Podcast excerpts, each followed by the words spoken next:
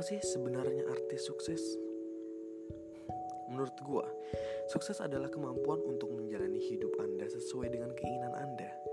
Melakukan apa yang paling dinikmati, dikelilingi oleh orang-orang Anda yang senangi dan dihormati.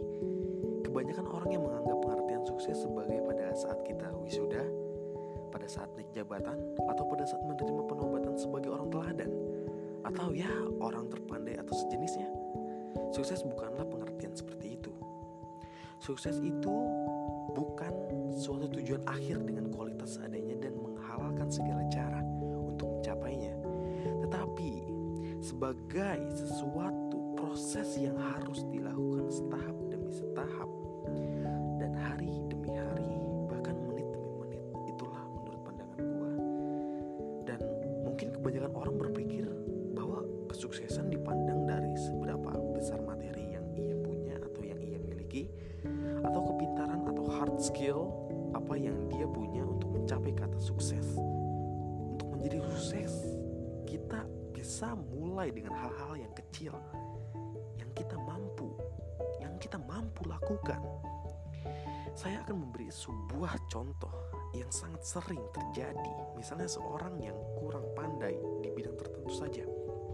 Oke, walaupun ia kurang mengetahui atau menguasai suatu materi, tentunya, tetapi setiap ujian di bidang yang dia kurang kuasai, dia selalu percaya pada kemampuan diri sendiri dan percaya pada Tuhan yang selalu memberi terang dan ia akhirnya lulus.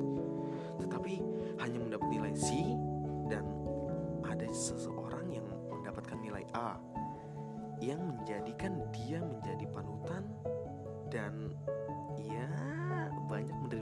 pujian dari orang-orang sekitarnya termasuk dosen, guru.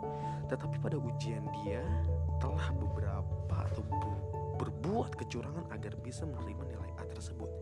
Pertanyaannya, apakah orang yang mendapatkan nilai itu lebih sukses? Menurut pandangan saya, no, tidak sama sekali. Mungkin anak yang mendapat nilai A lebih sukses dari anak yang mendapatkan nilai C.